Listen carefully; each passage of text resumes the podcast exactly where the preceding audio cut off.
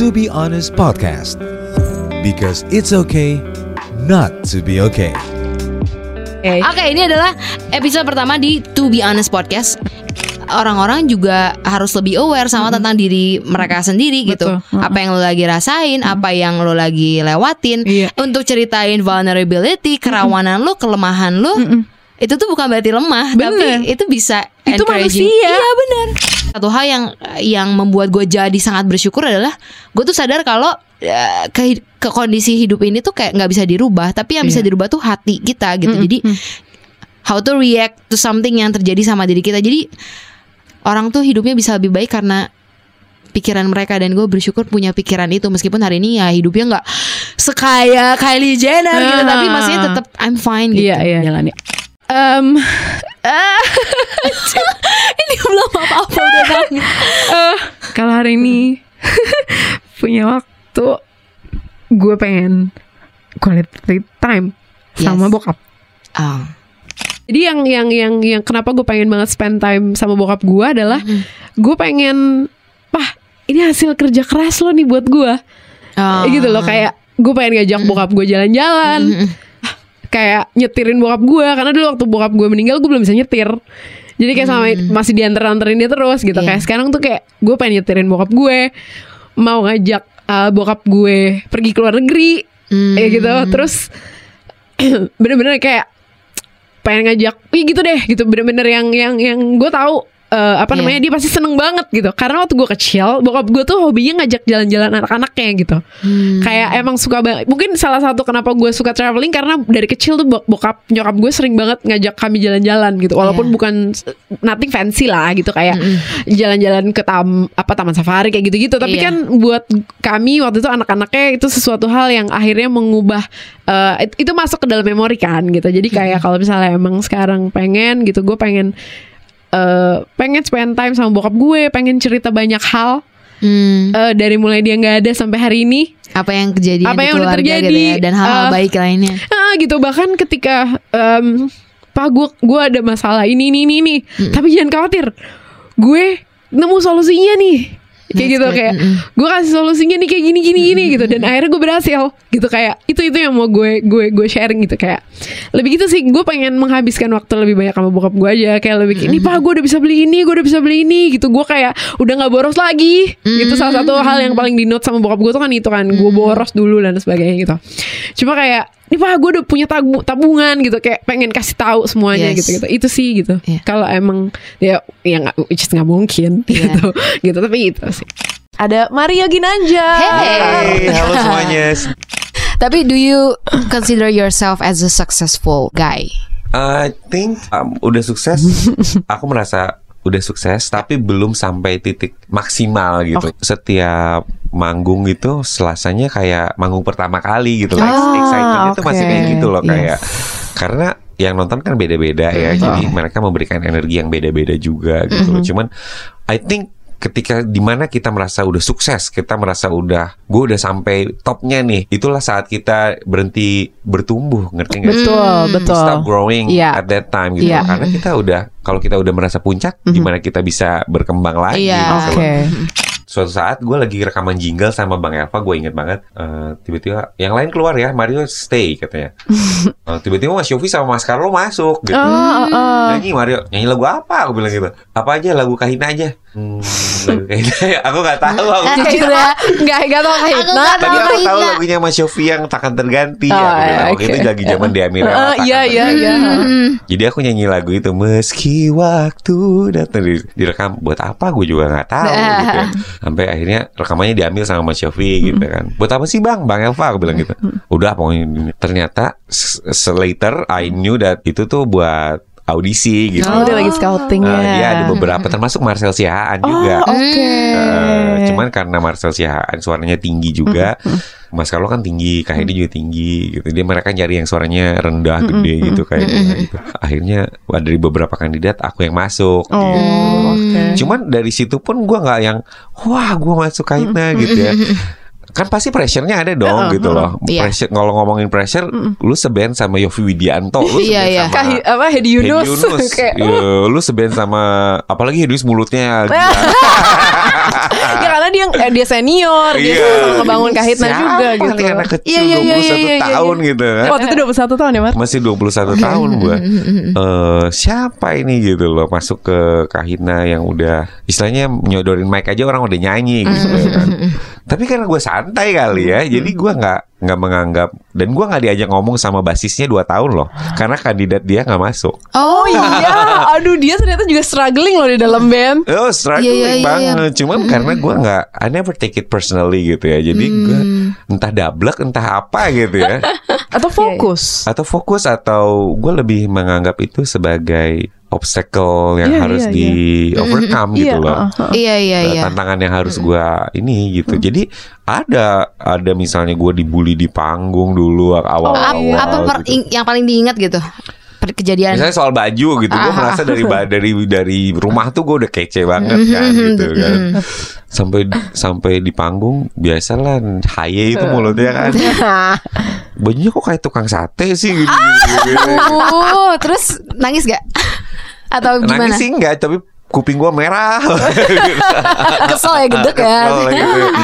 Cuman sekarang Hadi Yunus malah menjadi salah satu yang terdekat gitu di Kahina gitu, yang gue bisa cerita apa pun juga, sharing karena kita banyak kesamaannya, banyak sukanya. Cuman ya semuanya melalui proses. Gue sampai tahap sekarang ini melalui proses gitu. Gue belajar dulu, gue dan gue karena gue belajar dulu, gue gue les vokal, gue bertahun-tahun gue pede gitu loh gue punya bekal nih Iya, gue iya. punya lu, lu mau ny- adu Adu ilmu nih, adu Iya, ilmu. ayo boleh Ayo. gitu loh jadi eh, apa ya nggak nggak ada nggak nggak ciut lah gitu Hmm, mentalnya udah kebentuk. kan? manggung pertama sama Mas Yofi Kahina Iya. gitu ya gila dia biasa ngiringin siapa nih gitu ya kan Mas Yofi menurut gua kan ada yang bilang Mas Yofi David Fosternya Indonesia Iya. menurut gua David Foster itu eh, Mas Yofi-nya Amerika Iya iya iya iya. iya. Kayak gitu. Jadi eh, cuman santai sih gue orangnya santai. Heeh, Eh, Mario ma- manggung sama Kaitna yuk belum masuk kok gitu.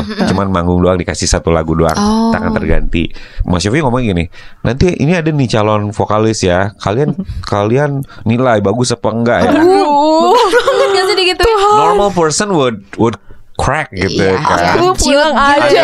Gitu. gitu ya. Iyalah. beban. Cuman for me, Oh oke, gue ini saatnya gue tunjukkan gitu loh. Gue nggak boleh malu-maluin keluarga gue, gak boleh maluin uh, alma mater gue gitu. Gue nggak boleh malu-maluin Mas Yofi juga yang udah percaya Iya.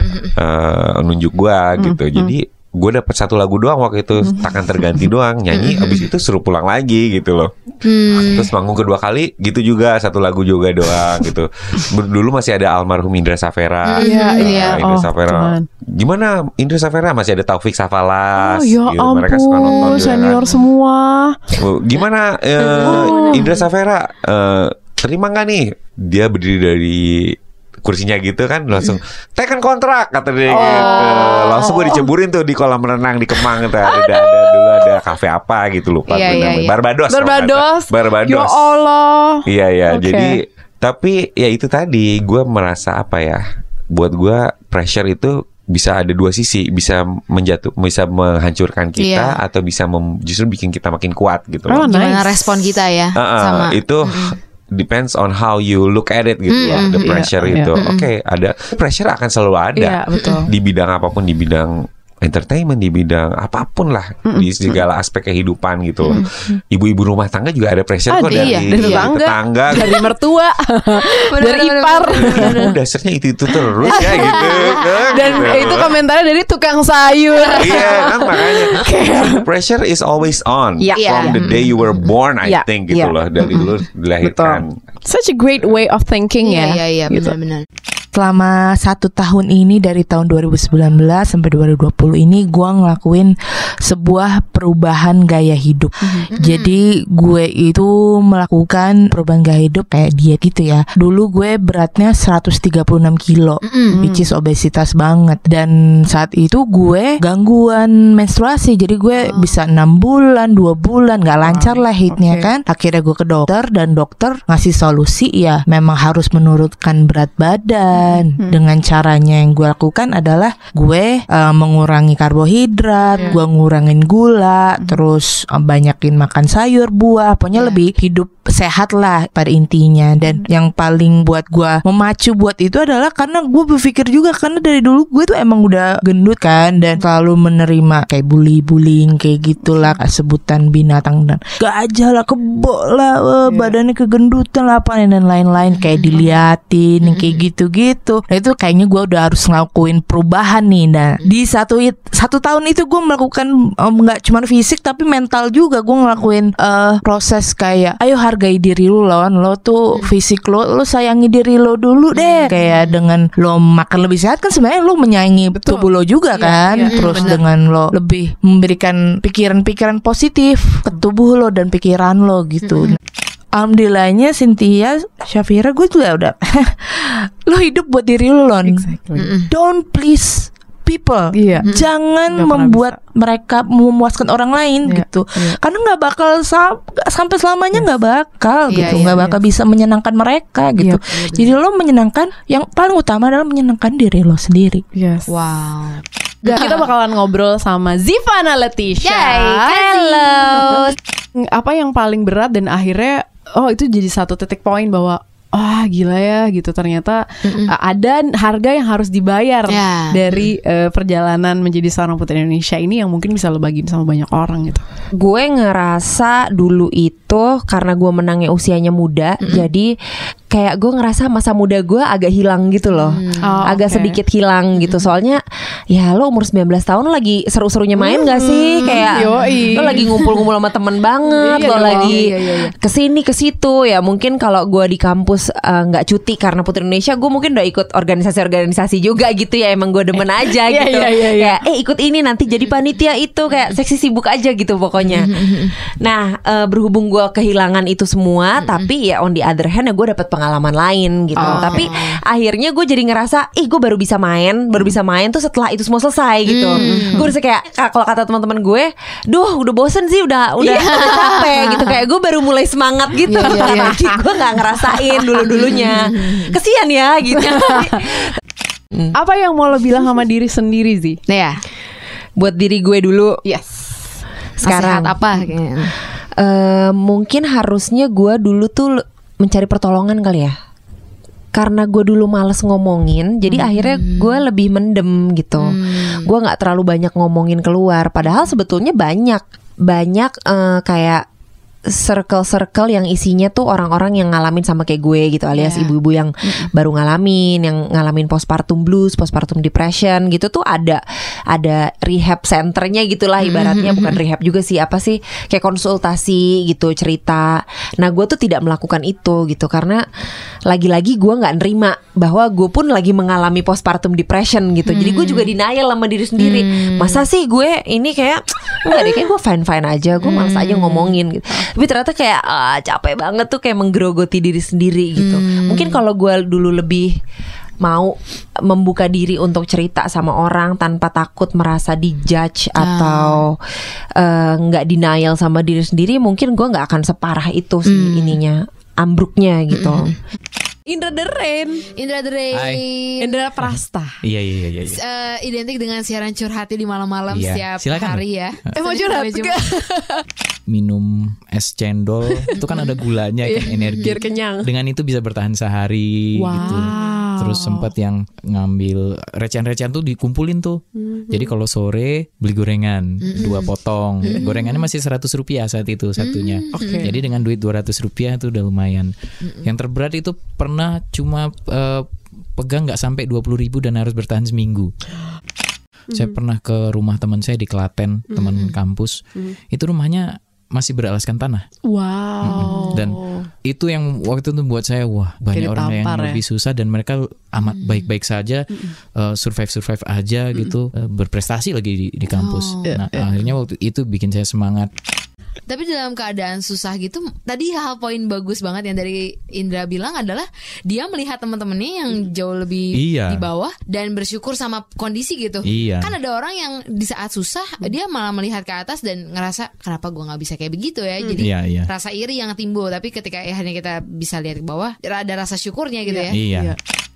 Si orang yang menginterview saya waktu itu ternyata pernah jadi LO-nya The Rain di sebuah event. Serius. Ya itu lucu itu juga banget. Iya, iya, itu iya, iya. awkward Iya, banget awkward banget. awkward Krik, banget krik, dia yang dulu yang kalau nemenin eh, Mas Indra mau ke toilet nih Iya, iya, iya. dia yang nentuin saya lolos apa enggak kerja dan di situ tuh. pelajarannya adalah selalu baiklah sama semua orang kita nggak tahu banget. besoknya Asli. orang itu tahu-tahu akan jadi ya? atasan kita sejak saat itu juga semakin ingat buat jangan pernah nganggap remeh orang Iya banget apa pun perannya, pokoknya baik aja lah sama semua orang. Kita nggak tahu nanti ke depannya. Ya ini, ini dengan terengat, sangat terpaksa saya ceritakan ya kan, nggak pernah nih diceritain ini, tapi ya mudah-mudahan ada kebaikan lah. Sampai harus terpuruk, terus istrinya eh, lagi mengandung, Eh, secara finansial ngedrop, sampai harus numpang di rumah mama saya, Hmm. Wow, pada waktu Dan itu. mama waktu itu terima Mengiz- mengizinkan. mengizinkan. Wow. Wow. dan bahkan sampai uh, anak anaknya sampai sekarang masih kita rawat. Maksud- buat kita udah, udah wah, ini dan kita udah ngomongin akan udah udah nggak udah tidak terpisahkan aja gitu. Itu itu tahap satunya tuh. Dan itu saya nggak pernah ceritakan ke calon istri saya. Hmm. waktu itu. Saya baru akhirnya cerita itu ketika be- beberapa minggu setelah nikah ada kejadian jadi eh saya sama mantan istri kedua pas saya ini memang tidak dekat ya. Cuma sempat ketemu beberapa kali. Satu apa dua kali ya?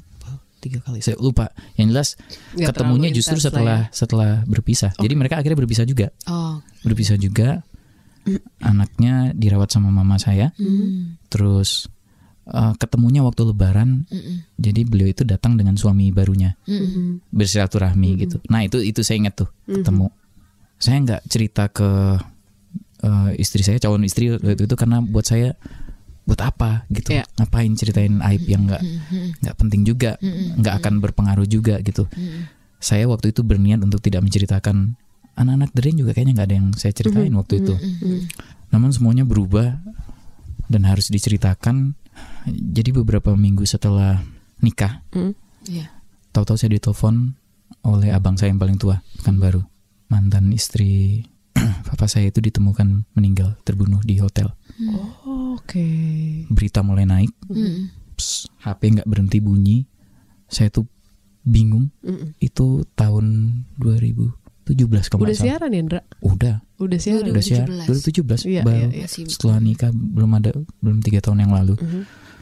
Saya seperti ditelanjangi lah kalau Safira atau Cynthia mm, apa ngebayangin itu benar-benar kayak ditelanjangi rasanya.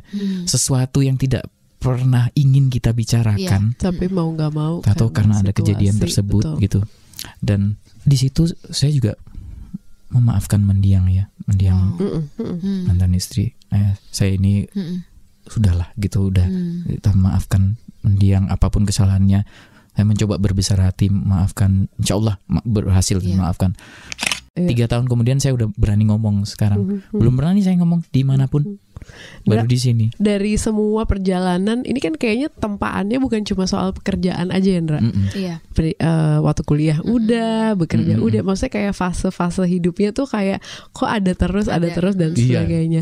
Apa hikmah yang paling apa yang yang yang akhirnya nilai hikmah dari semua hal yang akhirnya mau kamu ajarin ke anakmu ya dan share ke apalagi support istri yang luar biasa Iya. gitu loh. Iya, ya, salah satunya yang paling besar adalah mensyukuri tiap detik saat ini. Tapi ternyata memang ada banyak banget orang yang terdampak eh, dari pandemik ini yang mungkin se- se- sebuah niat gitu ya yang mau dilakukan, tapi memang harus eh, menerima situasi atau keadaan ah nggak bisa dilakukan sekarang nih gitu. Ada Jasmine, Ada Jasmine di sini. Hai. Eh, orang-orang tuh pada bilang, eh wedding lu gimana? Hah? Aku malah masih belum kepikiran gitu kan. I was thinking kayak maybe two months away gitu lah ya. Mm-mm. Eh, aduh, kalau diem sendiri di rumah nih, di, di kamar deh. Di kamar sih bukan di rumah. Itu tuh pikiran tuh banyak banget yang macam-macam gitu loh. Sebenarnya yang kayak kemarin ini yang wedding itu kayak udah nerima-nerima aja tapi aduh kok gini ya? Sempet kayak Ya, kepikiran terus aduh nanti mau bikin gini gini gini gini gini gini mau plan A mau plan B mau plan C gitu. Eh ini gimana? gitu. Jadi semua balik lagi ngatung gitu loh ke ke ke langit-langit. Jadi Iya. Nah waktu itu sempat kayak gloomy. Maybe two days ago deh Two days ago aku juga masih sampai ngomong ke Tommy Iya aduh aku mau bikin gini gini gini gini Tapi kok nggak bisa ya? Kayak si Tommy tunanganku tuh cuma ngomong Sebenarnya kamu masih bisa kerjain. Kamu cuma nggak bisa kerjain karena kamu punya kepikiran kita lagi ada di pandemi corona ini aja gitu loh sebenarnya gitu loh. Jadi iya sebenarnya apa ya mindset ya? These things is actually Iya. uh, bordering our things yang we can actually done it gitu loh. Cuman Iya, we iya. we have a lot of things kita pikirin oh mungkin nggak bisa. Oh mungkin kebanyakan mungkin iya dan mungkin enggaknya gitu. Tapi sebenarnya Iya, kalau uh. dicoba mungkin bisa gitu Gue mas. Boleh kasih gambaran gak sih sebenarnya eh, jadi sebelum ada isu corona ini sama seudah jadi kita bisa lihat oh ternyata Perbedaannya. jauh gitu perbedaannya. Heeh. Kalau gue boleh kasih gambaran in general, rata-rata hotel yang bisnis di Jakarta kan emang bisnis hotel ya, gitu Iya. ya bukan leisure. Bisnis hotel rata-rata running 10% ke bawah itu occupancy-nya itu Oh. 10% rata-rata. Ini yang gue dengar dari teman-teman gue juga, kita tukeran informasi kan. Pokoknya gue selama 14 tahun gue kerja di hotel, udah asli. Ini emang yang salah satu yang paling buruk yang pernah kita orang kerja hotel alamin gitu. Contohnya grup hotel gua, uh, kita tuh kalau lu lihat di beberapa hotel mereka udah bikin nyalain lampu di, di kamar-kamar mereka, yang kalau pas malam itu jadi ngebentuk smile Oh. gitu. Ada beberapa hotel dan itu di seluruh dunia ada beberapa hotel udah Oh mulai my kayak gitu. Sebenarnya tujuannya adalah membangun positivity. gitu. Betul, Jadi betul. kita kita ngebangun lagi uh, apa ah, harapan sih, Benar. harapan. Oh, di, di merinding. di grupnya gua, Iya. ya di grupnya gua tuh di grup besar gua itu sampai ada dia dia kayak keluarin video dia bilang we will travel again. Oh. Gitu. Jadi jadi kayak ngasih kita harapan, oh Gila. jangan jangan ini jangan sampai putus harapan. Oh we are, we are going to travel again gitu. Iya. Kita semua tuh bakal traveling lagi gitu. Sebenarnya in the end of the day Yeah. in this kind of situation, what will save us is humanity. Exactly. Gitu. Jadi Iya, jadi benar. maksudnya dia dia dia maksudnya bilang gini. Jadi uh, kondisi-kondisi kayak gini kan sebenarnya gang sendiri mungkin kayak gua dan lu cerita lu kayak ngalamin, ngalamin pas lagi sendiri dan kita kehilangan motivasi kan kita nggak tahu sebenarnya Benar. di luar sana mungkin banyak orang yang kayak kita Yes. lagi teman-teman teman gue tuh dia se- dia ad suggest untuk ayo kita di situasi kayak gini coba kita reach out teman-teman kita yang udah lama kita nggak Iya, connect gitu. bener Just- banget. Just, try to WhatsApp them like ask them Iya. how are you gitu are you Iya, okay I'm bener. thinking about Iya. you gitu Iya. itu kan this kind of small uh, apa Small act, things itu iya. kan small act ini kan Ah. uh, encourage Tapi- kita kan oh, Bener. masih ada orang yang peduli sama kita Exactly. kita, kita sama kita ngalamin hal yang sama kayak yang lu bilang kita ngalamin lagi ngalamin situasi yang sama Iya, bener kita bener. sama-sama jangan kehilangan motivasi Bener. Episode podcast kali ini di To Be Honest ya It's Okay Not To Be Okay akan membahas tentang Momok Pertanyaan yang jadi momok Kapan kamu menikah? Kapan nikah? Udah ada Deva Mahendra Halo. Halo. Gak sih dapat pertanyaan kayak gitu Dev? Eh, sering banget ya, sering banget. Bahkan jangankan sekarang gitu, itu pertanyaan itu udah dimulai dari beberapa tahun yang lalu sebenarnya. Iya. Woi, Oke gue balas aja nih, berhenti bertanya kepada manusia sesuatu yang jawabannya seutuhnya punya Tuhan gitu. Tuh wow. banget gitu. Kenapa akhirnya gue ngerasa terganggu misalnya gitu ya. Eh, selain memang datang punya pertanyaan itu bukan dari ring satu ring dua gue gitu ya. tapi justru dari orang-orang yang gue kenal juga enggak. Itu sifatnya takdir. Ya mana gue tahu kapan gue nikah gitu. Kalau gue tuh lebih gitu Betul. Dev. Maksudnya kayak bukannya gue terganggu dengan pertanyaan itu karena gue menganggapnya oke itu cuma jadi doa aja. Sambil gue mikir oh gue belajar cari pasangan yang emang bener-bener serius. Tapi kan balik lagi kayak Deva cowok nih. Deva punya goal oriented. Gue pengen berkarya gue pengen punya bisnis mengembangkan dan sebagainya untuk keluarga. Pastinya ya kan Dev? Untuk masa Iya, depan dan pasti. sebagainya. Perempuan juga sama kok. Perempuan tuh juga punya hak yang sama untuk punya mencapai mimpi-mimpinya Iya. karirnya Yes. sekolahnya gitu. Bukannya pertanyaan-pertanyaan yang sifatnya membangun men-trigger orang untuk lebih kreatif lebih baik tapi pertanyaan-pertanyaan yang lu udah tahu kok lu tanya kayak gitu kita manusia nggak ada yang bisa jawab iya kan Dev Betul, Nah. exactly. ada ada yang pernah nyangka kayaknya Deva ini deh nggak suka cewek gitu ada nggak sih? Tapi ini benar loh, Oh, maksudnya gue yang Oh, itu- ketawa. ya, ada ada sih aja, ada netizen aja. gitu? Iya, iya. Ada aja, ada, Ada aja aja, ya? ada aja gitu. Bahkan gue juga sering kayak denger dari teman-teman gue, eh, lu masuk forum itu deh, penyuka sesama jenis deh gitu. Ya mau diapain lagi? Maksudnya sekarang kan eh, lu lu googling foto gue juga ada gitu banyak lu bisa ngambil dari internet terus lu masukin ke situ gitu. Iya, iya. Yang jelas ada yang sering nanya gitu banyak banget lewat DM bahkan ada yang terang-terangan kadang-kadang suka mention di Twitter. gitu. Orang-orang Twitter kan ajaib-ajaib ya Iya iya iya. ada yang suka mention gitu. Gue nggak pernah ngerespons karena eh, atau bahkan kalaupun gue ngerespons, gue lebih bercandain. Gue tidak jawab langsung kayak, eh gue nggak gitu ya. Gue nggak yang defensif gitu karena buat gue pertanyaan kayak gitu lucu-lucu banget aja. Karena orientasi seksual gue tidak perlu gue buktikan kepada dunia gitu. Ada Meidi. Ada Medi hari bisa, apa kabar? Hai, Safira, Cynthia. Betul. Kamu harusnya udah nikah, udah punya anak. Ya, menurut aku itu bukan prioritas aku saat ini. Mungkin nanti ya. Aku dengar banyak cerita eh, teman-teman yang udah nikah gitu. Mereka malah curhat. Kayak gue nggak bahagia deh, Matt. Mending lu kayak sekarang Iya. nikmatin masa sendiri lu sebelum lu nyesel. Yang kayak gitu-gitu loh, Iya, Saf. betul. Jadi kayak ya udah. Aku tahu aku mau ke mana. Aku tahu prioritas mana yang aku jalanin hari-hari ini. Akhirnya se- setiap orang percaya kok gitu maksudnya orang-orang single kayak kita nih bertiga gitu ya cewek dan cowok Kita single bareng bertiga. Iya, maksudnya gini loh, hidup Single club. menjalankan hidup sebagai seorang single bukan sesuatu hal yang harus dikasihani. Iya benar. Iya nggak sih karena karena gini Bener. mas walaupun sebenarnya bener sebenarnya ini juga bukan pilihan kita kok Iya. gitu misalnya tapi kan Iya. intinya adalah kita cuma merayakan hidup aja Ah, kita hidup Bener berproses Bener dan cara hidup orang-orang kan beda-beda yang sudah ditentukan sama Betul. Tuhan dan kita Betul, yakini setuju bahwa. Iya kok, saya normal, saya mau menikah, Bener saya mau banget. berkeluarga, Betul. eh, Bener. dan saya bersyukur dengan eh, kamu misalnya yang bertanya eh, udah menikah, saya sangat bahagia kalau kamu bahagia gitu loh. Tapi Yes. kan maksudnya sa- dalam proses perjalanan ini, biarlah kami berevolusi, biarkan kami Iyalah. berkembang dalam prosesnya. Bener. Iya nggak sih bahwa nanti suatu saat Eh, yang bertanya mungkin sudah dipilihkan jodohnya sama Tuhan Yes. gitu. Kami Betul. kami pun akan ke arah sana kok gitu loh. Cuma Jadi kita ah, lagi muter dikit. Iya, ya kan? iya bener bukan cuma muter mungkin memang memang saat ini kalau aku mikirnya gini sih. Gimana? Mungkin saat ini Tuhan tuh lagi kayak Vira nih harus ke keluarga dulu. Mm-mm. Atau mungkin gini, Betul. orang lain merasa kita sudah siap, tapi kalau rencana enggak enggak dia tuh Betul. belum siap untuk menjadi istri belum. Secara lagi dipersiapkan ego dulu masih ya. kurang, nggak sabar Benar. dan sebagainya gitu. Karena kan eh, ngomongin Benar. tentang pernikahan kan sesuatu komitmen yang sifatnya Be- seumur hidup. Betul. Ini adalah komit hidup. Iya gitu loh dan profesi seumur hidup menjadi seorang istri, Bener. menjadi Tiap hari ibu. kita ketemu dia loh, Safi. Iya gitu loh. Mungkin banyak orang yang berpikir bahwa satu pekerjaan yang fine fine aja adalah pekerjaan ibu rumah tangga, diam di rumah misalnya gitu. Oh kayaknya nggak berubah deh, sama-sama di rumah aja mungkin nggak akan terlalu sesibuk atau mungkin berubah seperti orang-orang yang kerja di industri. Jangan salah. Ini ada temennya Syafira, ada Mama Galuh ya hari ini bakal sharing bahwa sebenarnya jadi ibu rumah tangga tidak semudah itu, Sterguso. Tidak semudah itu.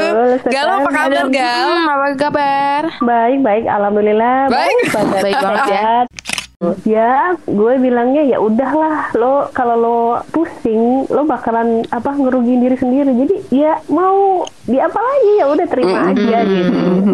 Salah satu quality time juga ya kalau misalnya lagi pas anak-anak sekolah gitu. Jadi udah bisa eh, hidupnya balance nonton drakor dan.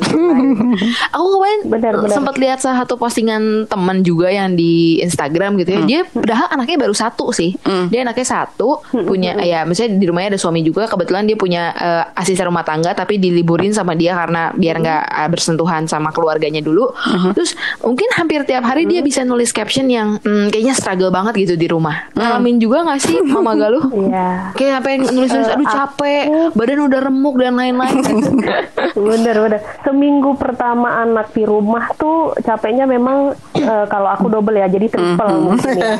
Soalnya waktu kemarin eh, pulang eh, mereka sekolah, jadi aku tuh masih bisa ke mana-mana, misalnya ke pasar atau eh, nge- olahraga bareng teman, ngopi gitu. Sekarang kan buka mata ada mereka, menutup mata ada mereka, jadi benar-benar nggak ada istirahat gitu. Dan e-learning ini adalah menjadi bikin ibu rumah tangga tuh punya tugas yang lain. Oh, nambah Nah, berarti ya, Gam? Karena anak aku bener-bener nambah karena anakku tiga, jadi nambah jadi tiga pekerjaan. gitu Oke. kan. Pertama tuh kayak, aduh lihat Tommy aja kayak, lu bantuin gue dong gitu kayak. Iya iya. eh, gimana gitu kayak Ah, pengen marah, iya, iya. pengen gini, pengen gini. Tapi setelah dijalanin tuh kayak ah ya udahlah. Eh, misal Ade mau belajar apa enggak? Iya mah. Ya udah, dia belajar nggak bisa duduk sana sini ya udahlah biarin Hmm, aja hmm, gitu. Yang penting anaknya tuh dan akunya tuh happy ya. Eh, udah happy gitu. aja. Gila consciousness-nya top banget nih levelnya ya. Eh, Wow, beneran, gila. beneran. Maksud aku kayak kalau enggak, Wow. maksudnya gini, ini kan sebuah life hack bang. Kayak orang banyak yang nggak ngeh loh gitu Bener. bahwa oh iya ya kadang-kadang kita tuh kalau udah ribet banget karena sesuatu, tapi ini harus beres gitu loh. Kita alih-alih me- me- menenangkan Bener. diri sendiri, kita beresin malah jadinya ke mana-mana ya. Jadinya marah-marah gitu jadinya marah-marah lihat anak buang-buang mainan Oh, terus iya. kita kayak kok nggak boleh gini nggak boleh gini nanti anaknya makin nangis aku tuh makin pusing gitu jadi ya udah kalian mau main silahkan nanti beresin sama mama ya Wow, Iya, ada banyak gitu. banget harus meredam Iya. diri sendiri Parah. tapi akhirnya mengatur juga ya. Eh, pesan makanan enak deh apa GoFood beli apa kek beli apa Nah, kek, intinya gitu. menyenangkan diri sendiri salah ya. satu juga Oke, Bener, ini menarik bener, sih, bener. life hacks banget. Aku tuh jadi relate mungkin sama yang masih single gitu ya lagi dengerin juga. Eh, ada istilah gini kayak aku sempat baca eh, dalam masa quarantine ini jangan terlalu memaksakan harus produktif. Deh kalau misalnya emang lu nggak bisa produktif gitu. Jadi ada kada, ada kalanya membiarkan diri kita, lu gue lagi males nih, lagi bete. Udah deh diem aja dengerin lagu kayak gitu. Jadi eh, nggak selalu harus oke gue harus kayak gini harus kayak gitu. Karena terlalu banyak agenda terus kitanya lagi bete juga dan situasi lagi nggak mendukung it's okay untuk ya udah rebahan aja deh gitu. Kayak kayak kayak mama galuh buat jadi gue mau kasih reward jadi gue dengan kasih makan beli makan enak gitu. Jadi kayak nggak apa-apa gitu ya kan? Take a deep breath Iya. sebentar rehat Iya, benar, gitu benar, benar. It's okay, it's okay, Itu it's iya, okay. iya, iya, iya, iya, Oke iya. banget gitu dan menarik ya. Benar, itu tuh terjadi sama Tommy ya. Tommy kan memang sebagai kepala keluarga, eh, kerjaan dia bukan karyawan. Kalau memang tidak keluar rumah kan pasti Iya, tidak iya. menghasilkan. Jadi beberapa hari ini tuh Iya. dia kayak down gimana gimana tuh. Gue bilang udahlah, kita masih punya rumah yang apa eh, nyaman, masih bisa pesan makan enak. Itu lo harus eh, legowo apa sih orang Nerima. bilang apa selain bersyukur tuh legowo dan nerima gitu. Mungkin Tuhan memang ngasih situasi seperti biar kita semua Benar, istirahat gitu. Giliran kerja kayak dulu ya sih. Pagi sampai Kadang pagi, siaran jam makanya. 12 malam, uh, udah 12 malam Iya. lanjut jam 5 pagi, udah kayak aku nggak bisa tidur, Yes, aku capek betul. banget gitu-gitu. Sekarang disuruh di rumah ngeluh lagi kan nggak kayak gitu.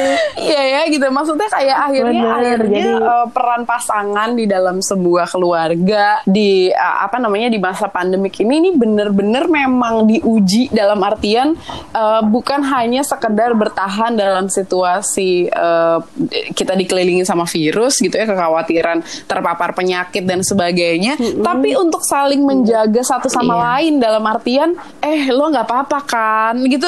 Itu tuh jadi kayak hal yang emang bener-bener jadi matters gitu loh sekarang gitu. Apalagi untuk yang ada di rumah aja akhirnya kita jadi sama-sama tahu fungsi keluarga ya. Iya, nggak sih? Betul. maksudnya ses- iya sesama pasangan gitu sama pasangan anak ke ibu ibu ke anak atau mungkin peran asisten rumah tangga yang dulunya mungkin ya udah lo pergi pulang mbak abis beres kelar ya. Kalau sekarang tuh kayak bener-bener lo adalah asisten gua mbak gitu. Salah membantu gua ya bener-bener Iya, gitu bener, terus bener, kayak bener. hal yang tadinya kita cuma mungkin ber- melihatnya sebagai satu hal yang selingan gitu. Ah mau pesan makanan online ah gitu. Kalau sekarang tuh kayak jadi Iya. eh, Reward. apa namanya energi Tambahan. yang reward gitu jadi sesuatu oh my god abang Betul.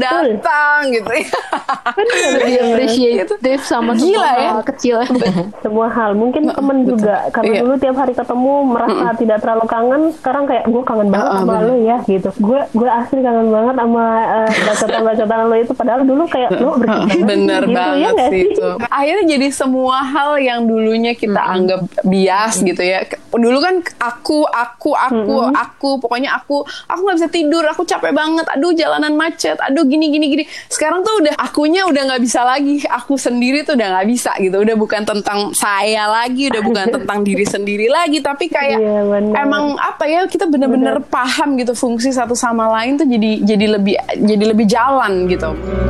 We are all human. Be kind to one another.